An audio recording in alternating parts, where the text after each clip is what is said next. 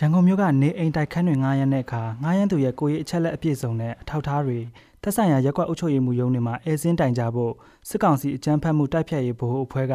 ဇွန်လ23ရက်သတင်းစာမှာထုတ်ပြန်ထားပါတယ်။အခုလိုမျိုးရန်ကုန်မြို့ကနေအိမ်တွေမှာအိမ်ငားတွေအပေါ်စစ်ကောင်စီကစီကံတင်ကျပ်လိုက်တာကြောင့်အိမ်ငားငားရတာပိုခက်ခဲသွားပြီးအင်ရှင်နဲ့အိမ်ငားကြားစိတ်မလုံးမကြုံမှုဖြစ်ရတယ်လို့ရန်ကုန်မြို့ရှိပြည်သာမြို့နယ်မှာအိမ်ငားနေထိုင်သူတယောက်ကပြောပါတယ်။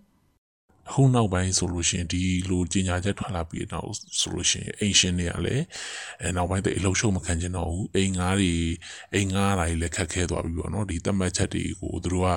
အာသူတို့အိမ်တွေပါတိမ့်စီခံမှလည်းဆိုတယ်ပြီးတော့တစ်ဖက်ကလာငားရဲ့သူကလည်းယောက်ျားလေးတွေကြည့်ပဲ3 4 5ယောက်နေမယ်ဆိုလို့ရှိရင်လည်းတန်တရားဖြစ်ပြီးတော့မငားတော့တာမျိုးတွေ လည်းကြုံရတယ်ပေါ့နော်အဓိကတော့အာသူတို့ရဲ့ပိုင်းဆိုင်တာတွေအကုန်လုံးကိုဒီစစ်ကောင်စီကနေပြီးတော့ဟိုဘာအကြောင်းအကြောင်းတိမ့်ခံရမှာဆိုတဲ့စိတ်မလုံခြုံမှုပေါ့နော်အဲအိမ်သာငားထားတာ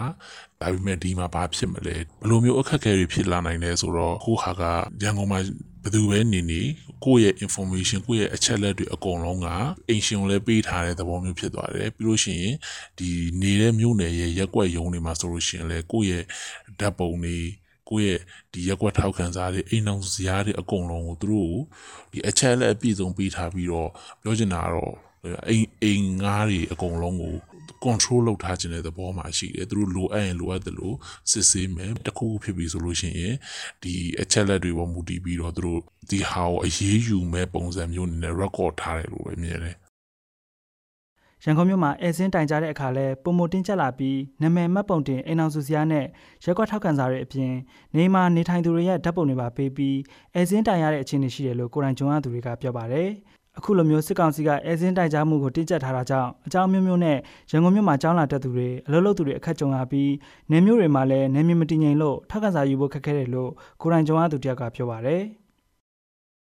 ဒီတိုင်းပုံမှန်အဲစင်းနောက်တိုင်းလို့ရတာမဟုတ်တော့ဘူးဓာတ်ပုံတွေရိုက်ပြီးတော့မှသူတို့ရှင်မှာမှတ်တမ်းထားတာမျိုးတွေရှိရအဲ့တော့စိတ်အဆင်မပြေဘူးအဲ့အဲစင်းကိစ္စကတော့စိတ်အဆင်မပြေဘူးပေါ့နော်တခြားအဲ့လိုမျိုးထောက်ခံစားတွေအဲ့လိုယူပြီးတော့ဟိုအရင်ကလိုလွတ်လွတ်လပ်လပ်အိမ်ငှားလို့မရတဲ့အခါကျစိတ်နှောက်ယှက်တွေဖြစ်တယ်အလုပ်တွေရှုပ်တယ်ပေါ့နော်နေရပြောင်းလာတဲ့လူတွေဆိုရင်လည်းနေမှာထောက်ခံစားတွေပြင်းယူရတယ်ပေါ့နော်ဒီကထောက်ခံစားတွေနဲ့မရဘူးနေရထောက်ခံစားကိုပြင်းယူရတယ်အဲ့ခါကျတော့နေမှာလည်းနိုင်ငံရေးအခြေအနေမတည်ငြိမ်တဲ့ခါကျတော့ထောက်ခံစားယူဖို့ခက်တယ်အဲ့ခက်တဲ့ခါကျတော့နေရလူတွေရန်ကုန်မှာလာပြီးတော့အခြေချတဲ့အခါမှာ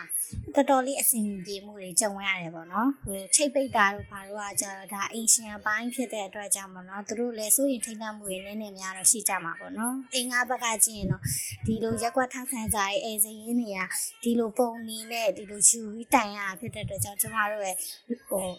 ပုတ်ကုပုံပါနေရအဆင်မပြေဘူးပေါ့ စစ်ကောင်စီရဲ့အခုလိုတင်းကျပ်တဲ့ထုတ်ပြန်ချက်ဟာအင်္ဂါတွေသာမကအင်ရှင်တွေနဲ့အိမ်ပွဲစားတွေပါအခက်တွေ့ရတယ်လို့ရန်ကုန်မြို့အင်ချမ်းမြေအကျိုးဆောင်တွေကပြောပါတယ်။အထောက်အထားပြည့်စုံတဲ့အဲစင်းမတိုင်ကြရင်နေအိမ်တိုက်ခန်းဖန်ရှင်တွေကိုပါအရေးယူမယ်လို့သတိပေးထားပြီးတိုက်ခန်းငါးသူတွေအကြမ်းဖက်မှုတစုံတရာကျူးလွန်ရင်လည်းအကြမ်းဖက်မှုတိုက်ဖျက်ရေးဥပဒေအရနေအိမ်တိုက်ခန်းကိုနိုင်ငံတော်ဗဏ္ဍာအဖြစ်သိမ်းဆည်းသွားမယ်လို့ထုတ်ပြန်ထားပါတယ်။ ဒီနှစ်ဇန်နဝါရီလကနေဇွန်လအတွင်းရန်ကုန်တိုင်းအတွင်းပြစ်ခတ်မှုနဲ့ဘုံပေါက်ကွဲမှုဖြစ်စဉ်တွေမှာပါဝင်ပတ်သက်သူတွေကိုရန်ကုန်မြို့ကတိုက်ခန်းတဲ့လိုင်းငန်းတွေမှာဖမ်းမိပြီးနောက်အခုလိုထုတ်ပြန်လိုက်တာလို့သုံးသပ်ပြောဆိုတာတွေရှိပါတယ်ကျွန်တော်ဇွဲတစ်ပါ